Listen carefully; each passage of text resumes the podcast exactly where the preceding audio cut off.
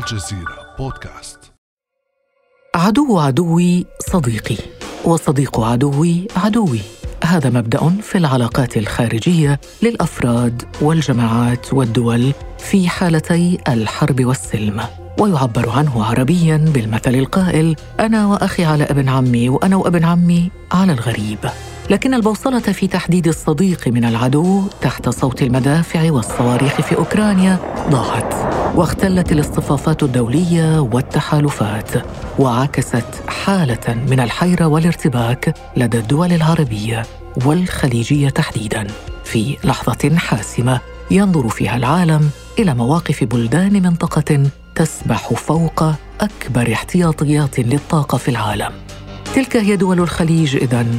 وهذه حكايتها مع الحرب الروسية على أوكرانيا وتداعياتها عليها.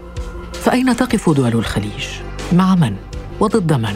وما خلفيات موقفها من الحرب الروسية على أوكرانيا؟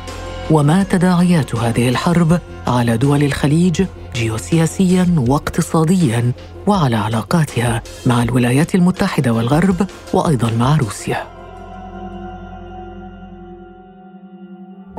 بعد أمس من الجزيرة بودكاست أنا خديجة بن جنه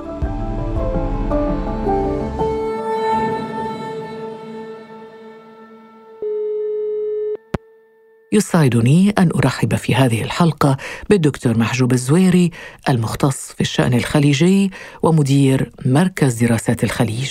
أهلا وسهلا بك دكتور محجوب. أهلا بك خديجة. دكتور محجوب الزويري طبعا الكل يعرف أن دول الخليج عموما هي دول حليفة للولايات المتحدة والغرب.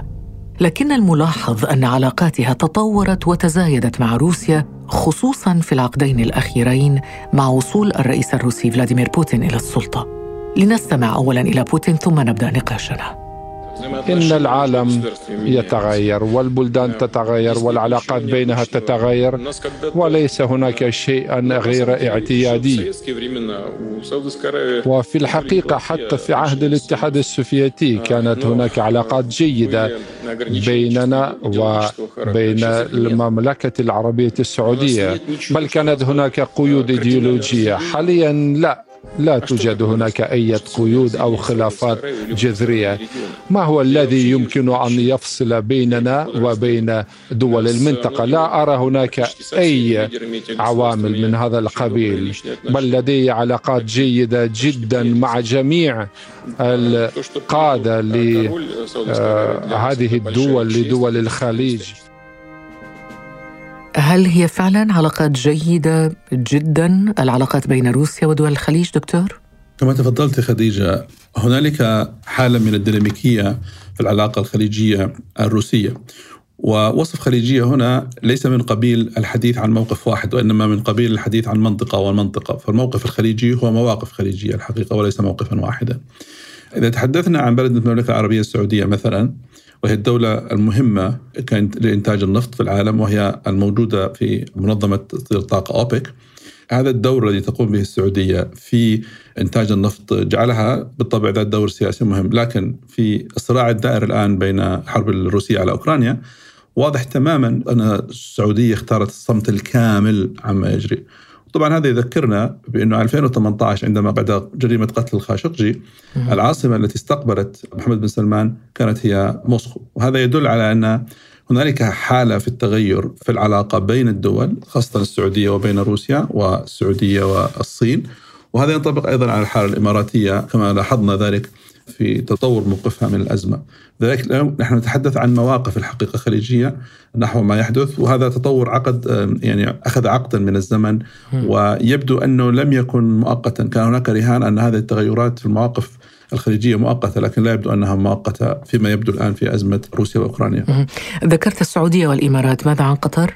الموقف القطري واضح تماما في الأيام الأولى التواصل الذي جرى بين أمير قطر شيخ تميم وبين الرئيس زيلينسكي الرئيس الأوكراني والمكالمه الثانية التي جرت يوم الأربعاء. أيضا واضح تماما أن هناك موقفا تلخص في نقطتين. النقطة الأولى الرغبة في أن لا يدوم هذه الأزمة وتجنيب المدنيين ويبدو أيضا أن هناك موقفا واضحا في أقرب الولايات المتحدة في النظر إلى الأزمة بشكل عام بأن ما يحدث هو شيء غير قابل للقبول من دول العالم. مسألة الاجتياح هنا ينسجم مع السياسة الخارجية القطرية في رفض مبدأ الاجتياح العسكري وهذا موقف استندت اليه قطر منذ اجتياح العراق إلى الكويت عام 1990 إذا واضح من كلامك دكتور محجوب الزويري أنه هناك تباينات بين مواقف الدول الخليجية. هنا نسأل عن محددات الموقف الخليجي من الحرب على أوكرانيا. إذا هي محددات يعني تحددها المصلحة السياسية المصلحة الاقتصادية أم شيء آخر؟ الأمرين الذي تفضلت بهما يعني دقيقين، لكن أيضا يجب أن ننظر إلى التغير في النظام العالمي، دول الخليج بدأت تدرك بشكل غير قابل للشك أن النظام الدولي في السياسة الدولية يتغير ويتغير بسرعة أكثر مما كان يتوقعه الجميع. وأن هذا التغير يتطلب من الدول أن تكون مرنة في مواقفها وليست ذات مواقف صارمة، لأنه واضح تماما أن هذا التغير يطال أو سببه الحقيقة. آه، لاعبين مهمين في العالم يقومون بأخذ خطوات ومبادرات وعلى الدول الأخرى أن تقرر مواقفها منها. وهذا فيه نوع من الحرج السياسي وفيه نوع من الضغوط السياسية على الدول سواء كانت خليجية وغير خليجية الحقيقة. لذلك المصلحة محدد أساسي. مسألة العلاقة مع الآخر وهنا نتحدث عن الغرب بشكل أساسي وعلى رأس الولايات المتحدة محدد مهم لأنه لا أحد يمكن القول بأن الولايات المتحدة ستغيب عن المشهد الدولي وبأنها غير مهمة. ولذلك لابد من إبقاء الباب كما يقال مواربا مع الولايات المتحدة وعدم خسارتها بالكامل. وهذا الموقف يبدو واضحا كمحدد في تعيين خطوط مسار العلاقة والمواقف من الأزمة الحالية في أوكرانيا. لكن دكتور محجوب الزويري في علاقات دول الخليج بالطرفين تحضر الطاقة بشكل كبير جدا. لكن هل الطاقة وحدها محور هذه العلاقات؟ في الحقيقة العلاقة الروسية الخليجية في محور الطاقة مهمة وهو لا شك محور أساسي في العلاقة خاصة في تأثيراته على العالم والنظام الاقتصادي العالمي. عندما نتحدث عن روسيا نتحدث عن 7 إلى 9 مليون برميل يوميا ونتحدث عن كل مساهمة دول الخليج ربما لا تتجاوز 3 إلى 5 مليون برميل يوميا. وبالتالي مساهمة هذه الدول في استقرار الاقتصاد العالمي مهمة جدا وبالتالي تغييب روسيا سيفرض ضغوطا كثيرة لكن أيضا هنالك يعني نوع من الترتيبات السياسية. لاحظنا نوع هذه الترتيبات في سوريا. لاحظنا بمعنى الترتيبات لا أتحدث عن توافقات أتحدث عن حديث مفاوضات مناقشات بين روسيا وبين الدول الخليجية حول الدول الخليجية بعينها سواء كانت الإمارات سواء كانت قطر سواء كانت السعودية سواء كانت الكويت وحتى عمان فيما يتعلق بالأزمات التي تعيشها المنطقة بدءا بالأزمة السورية مرورا على الأزمة العراقية مرورا في الوضع في ليبيا واليمن. روسيا لم تترك أي من هذه الدول من هذه نقاط الصراع لم تترك نفسها بعيدا عنها بالعكس حضرت وحضرت بقوة الحقيقة في كثير من بؤر الصراع وعدم الاستقرار هذه. وهذا أيضا فرض عليها نوعا من التواصل من الدول الخليجية والإذعان إلى أن هذه الدول مؤثرة في السياسة الدولية وبالتالي تحتاج روسيا للتنسيق مع هذه الدول. ولذلك في مرحلة معينة لم تكن الطاقة فقط بل أيضا المشهد الدول المشهد الإقليمي في المنطقة وحالة عدم الاستقرار التي هي موجودة في أربع أو خمس بؤر للصراع في المنطقة روسيا ليست غائبة عنها على الإطلاق. لكن دكتور محجوب زويري هل برأيك نجحت دول الخليج في أنها تمسك بالعصا من المنتصف بمعنى أنها لا تزعل أمريكا ولا تزعل روسيا؟ في الحقيقة نعم في بعض المراحل نجحت لأن كلا البلدين كانا يحتاجين الحقيقة إلى الدول الخليجية وبالتالي لم تغضبهم، لم تؤرقهم، لم يجدوا غضاضة في تتخذ دول مثل هذه المواقف، لأن الولايات المتحدة كانت تحتاج دول الخليج لأن تتواصل وأن تبقى حاضرة في المشهد الإقليمي وكانت الروسيا أيضا تحتاج أيضا الدول. وبالتالي هذا الاستراتيجية نجحت لأنه كانت الدول تعتقد بأنه إبقاء حالة التواصل مهمة جدا بين الدول وعدم إغلاق الأبواب لأنه إغلاق الأبواب كان يعني كثير من التوترات وكثير من الصراعات في المنطقة وبالتالي لا تريد لا روسيا ولا الولايات المتحدة. المسألة خديجة فيما يحصل الآن في أوكرانيا أن الغرب يريد من الدول أن تأخذ موقفا يا ابيض يا اسود كما يقال. وتريد نظرا نظرا لأن سرديته حول الأزمة سردية مرتهنة إلى فكرة التفوق الغربي في هذا الصراع وان كل ما يجري في أوكرانيا مرتبط بمحاربة الديمقراطية ومحاربة خلينا نقول موجه الديمقراطية التي بدأت في أوكرانيا. والحقيقة هذا تفسير جانبي للأزمة. جزء كبير من الأزمة متعلق بفهم المجال الحيوي الاستراتيجي الذي يقلق روسيا واللعب الغربي في هذا المجال ما يسمى بالحديقة الخلفية. الغرب سمح لنفسه منذ 20 عاما أن يلعب في الحديقة الخلفية لروسيا وأن يقول لها بأنك مع أنك عضو مهم في مجلس الأمن ودائم ولك حق النقد الفيتو لكن روسيا ورثة الاتحاد السوفيتي ليست قوة دولية بل هي قوة إقليمية مهمة وليس أكثر من ذلك. وهذا الحقيقة هو الذي يثير بوتين ويجعله يبدو متصلبا في موقفه من الأزمة الحالية.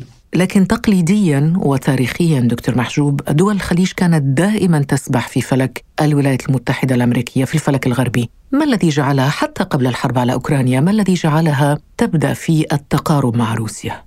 بضع عوامل الحقيقة. العامل الأول وهو أن هناك تغيرا في النظام الدولي بدأ وبالتالي دول الخليج فرض عليها خاصة بعد الحرب على الإرهاب عام 2001 بأن تعيد قراءة المشهد الدولي بطريقة مختلفة في الولايات المتحدة رغم عنفوانها وقوتها بدأت تتصرف في العالم منذ عام 2001 بنوع من التفرد وتجاهل الآخرين وشاهدنا ذلك في الاتفاق النووي عام 2015 عندما تجاهلت الولايات المتحدة وبراك أوباما تماما المصالح الخليجية وعقد الاتفاق مع إيران دون حتى أن يأخذ بعين الاعتبار ولا يقبل ببعض المكالمات الهاتفية من السعودية مثلا قبل الاتفاق. الأمر الآخر هو أنه ما يجري الآن يعني حاجة دول الخليج إلى تنويع علاقاتها الدولية؟ حاجة ماسة، اولا هنالك اقتصادات تنمو بشكل متسارع، دول الخليج معظمها منتجة للطاقة، أهم عنصرين في الطاقة الغاز والبترول، وهي تحتاج السوق العالمي وهي تحتاج أن تكون حاضرة في علاقاتها الدولية مع كل اللاعبين المهمين، روسيا منتج وأيضا مصدر مهم للطاقة، الصين كذلك. لكن روسيا أيضا يميزها بأنه مجال الحيوي لروسيا عفوا مجال حيوي مهم. يعني ذيك الجمهوريات السابقة وأواسط آسيا قربها لتركيا أحيانا بوابة العلاقات تطور العلاقات مع روسيا كانت أيضا بسبب العلاقة مع تركيا خاصة فيما يتعلق بالملف السوري ومحاولة خلق توازنات في العلاقة بين دول الخليج تركيا من جانب وهنا نتحدث ربما عن قطر السعودية قطر تركيا وروسيا. هذا عامل ثاني. العامل الثالث وأعتقد الأساسي هو أنه روسيا نفسها خرجت من قمقمها في العلاقات الدولية. روسيا بدأت تتصرف كأنها قوة عظمى ليست فقط ورثة الاتحاد السوفيتي وبالتالي أيضا انفتحت في سياستها الخارجية. مبادئ سياستها الخارجية تغيرت وبالتالي بدأت هي تنفتح على الآخر وتنظر إلى أنه لا يمكنها أن تحقق أي منجز في السياسة الخارجية دون أن تنفتح على اللاعبين الآخرين مهما كان تعريفها للاعبين الآخرين ومدى صغر أو كبر حجمهم وتأثيراتهم السياسية. وهذا أيضا كان تغير مهم في السياسة الخارجية الروسية. العامل الرابع والأخير في اعتقادي الذي حسم موضوع العلاقة بين دول الخليج وبين روسيا هو الحقيقة ما حصل في من الربيع العربي لأنه روسيا شعرت بأنه يجب عليها أن تكون حاضرة في المنطقة لتحافظ على الوضع القائم بقدر ما يمكن لأنها لم ترحب في موجة التغيير في العالم العربي وتريد أن تحافظ على نموذج معين في المنطقة وترى بأن دول الخليج ربما تكون هي النموذج الذي يجب أن يبقى على ما هو عليه وبالتالي هو متماسك ثقافيا إلى غير ذلك ويبدو أنها قرأت المشهد على هذا الكلام. وباعتقادي أنه لم يكن دقيقة قراءتها لأنه أزمة الخليج عام 2017 أثبتت أن هذه القراءة لم تكن دقيقة.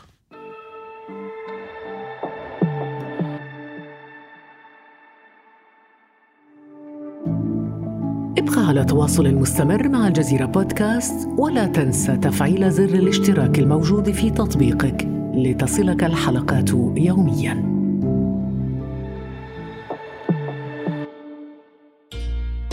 لكن مع كل هذه العناصر التي ذكرتها دكتور محجوب الزويري يبقى أنه قوة منطقة الخليج وحضورها الآن في هذه المرحلة يعود إلى كونها أحد أكبر مزودي العالم بالنفط والغاز. وهو وقود الحرب والسلم كما هو معروف وعلاقاتها في الواقع متشابكة بالغرب وروسيا في نفس الوقت. دعنا نستمع في هذا السياق إلى ما يقوله وزير الطاقة القطري سعد الكعبي ثم نواصل نقاشنا. You know, when you talk about the Ukraine issue and, and the European issue, people have been bouncing around. حينما نتحدث عن المسألتين الأوكرانية والأوروبية الناس يقولون إن قطر يمكن أن تعوض الغاز الروسي.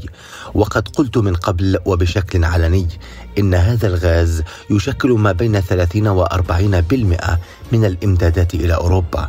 ولا يمكن لبلد واحد تعويض هذا الحجم. نحن داعمون للاتحاد الأوروبي وجاهزون لتزويده بأي إمدادات ممكنة من جانبنا مع احترام عقودنا والتزاماتنا وسنقوم بكل ما في وسعنا للمساعدة. إذا دكتور محجوب زبيري التوافقات المرتبطة بالنفط والغاز مهمة جدا في حسابات المرحلة أليس كذلك؟ لا شك في ذلك. الولايات المتحدة اضطرت أن تتجرع ربما سما خفيف التأثير وذهبت إلى فنزويلا بعد كل ما فعلته في فنزويلا في السنوات الماضية. ذهبت أرسلت وفدا إلى فنزويلا في محاولة تعويض بعض من الانتاج النفطي الروسي.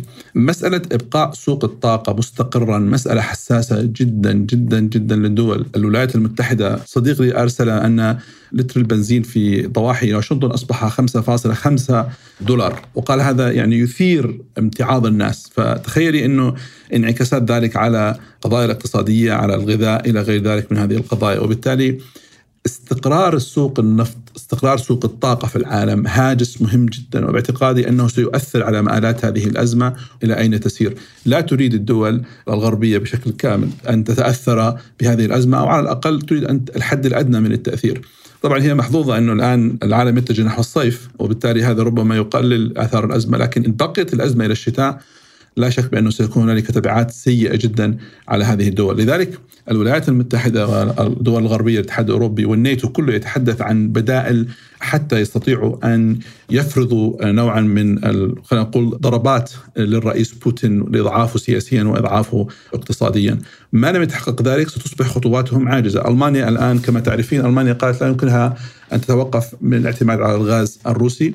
دول أخرى أعلنت أنها لا يمكنها الحقيقة أن تمتنع من استيراد الطاقة من روسيا وبالتالي ملامح الموقف ضعيفة وفيه هشاشة كبيرة ما لم يكن هناك بدلاء قادرين على توفير احتياجات العالم من الطاقة. طيب البدلاء أو البديلون عفوا موجودون الآن وواضح أن الدول المصدرة المنتجة والمصدرة للنفط والغاز تستفيد أيضا من ارتفاع الأسعار ومنها دول الخليج طبعا. يعني كأننا نقول مصائب قوم عند قوم فوائده. هذا صحيح. من منظور قصير الأمد. نعم هنالك انتعاشات اقتصادية ستحصل يعني خاصة بعد التاثيرات السيئة لأزمة كورونا. لكن المشكلة إنه نحن لا يجب أن ننظر إلى أطراف الرابحين لأنه هناك أطراف خاسرون سيكونون كثر في العالم. وعندما نتحدث عن الخاسرون من هذه الحرب الاقتصادية أو غياب الطاقة أو عدم الاستقرار في سوق الطاقة، نحن نتحدث عن انتشار الفقر، نوع من الاعتراضات الاجتماعية والمظاهرات قد يؤدي إلى إضعاف الدولة في كثير من دول العالم وبالتالي نذهب إلى ما يسمى بالدولة شبه الفاشلة. الدولة شبه الفاشلة هي التي الدول التي يمكن أن تكون فيها بيئة للتطرف إلى غير ذلك. اذا هي عبارة عن سلسلة عندما تنفتح تنفتح مرة واحدة بكل أخطارها وبكل آه، تبعاتها السيئة وبالتالي أنا لا أعتقد أن دول العالم تنظر وحتى دول الخليج تنظر فقط إلى مصالحها من حيث أن الأسعار سترتفع وهذا جيد. يعني أمس كان حوالي 140 وانخفض 13% مع التصريحات الإماراتية. لكن يعني الكل يعني الكل كأن الإمارات أنقذت الغرب نفسيا أنقذته نعم. نفسيا صحيح. لكن المهم الحقيقة أنه ما من مؤشر على أن هذه الأسعار ستنزل ما لم يكن هنالك حل في الأزمة في أوكرانيا لأنه الحجم المساهمة الروسية في السوق الطاقة ضخم وضخم جدا. لا يمكن لأحد إنكاره. الولايات المتحدة صحيح أنها تستطيع أن تنتج كل ما تريد ولديها مخزون ولديها قدرة على توفير المخزون لكن ليس كل دول العالم خاصة الغربية قادرة على توفير هذا المخزون. لكن لو طالت مدة هذه الحرب دكتور محجوب هل ترى أن دول الخليج يعني تحسب جيدا ثمن اصطفافاتها مع الرابح والخاسر؟ أنا أعتقد بأنه المواقف الخليجية حتى اليوم فيها نوع من التوازن وإمساك العصا من المنتصف. يعني حتى اليوم في نوع من القدرة على في حال انتهاء الأزمة كل طرف أن يقول عليكم أن تقدروا مواقفنا عليكم أن تقدروا الوضع الذي كنا فيه. وبالتالي ينتهي النقاش بهذا المنظور. فالولايات المتحدة تعرف تماما يعني أنها لا تستطيع أن تفي بالتزاماتها بالكامل ولديها أن تحترم قرارات الدول وكذلك روسيا في نفس الوقت. لكن المسألة المهمة في اعتقادي أنه إلى أي مدى يمكن لدول الخليج أن توظف هذه الأزمة بشكل أو بآخر إلى تحسين أو تطوير نفسها اقتصاديا وفي نفس الوقت عدم إيقاع أي ضرر سياسي خاصة في حجم علاقاتها الدولية. هذه أنا أعتقد هذا هو التحدي الأخطر اللي تواجهه دول الخليج الآن في مواقفها من هذه الأزمة. هل يعني يستشف أيضا درس من هذه الحرب بان دول الخليج عليها أن تكون وحدة واحدة موحدة خصوصا بعد تجربة الأزمة الخليجية؟ أنا أعتقد هذا الزمن ولا دول الخليج الآن تنظر إلى يعني مواقفها في السياسة الخارجية من منظور السيادة الوطنية وبأن كل دولة لديها مفهوم خاص في تعريف الأمن والاستقرار والمصالح وبالتالي على هذا الأساس أعتقد إنه اتفاق العلا الذي عقد في 2020 قرر ذلك بشكل أو بآخر وأن الدول تحترم خيارات الاطراف الأخرى بشكل أو بآخر، لا يبدو واضحا أن هناك قدر من التنسيق في المواقف، يبدو واضحا انه كل دولة تتخذ مواقفها بناء على قراءتها للمشهد وتحالفاتها بشكل أساسي، وهذا الأمر باعتقادي إنه أصبح تقليدا في دول الخليج وخاصة بعد الأزمة الخليجية. يبدو أن دول الخليج ماضية فيه والكل سيقر بقواعد اللعبة الجديدة. نعم. شكرا جزيلا لك دكتور محجوب الزويري المختص في الشأن الخليجي ومدير مركز دراسات الخليج. شكرا لكم. كان هذا بعد أمس.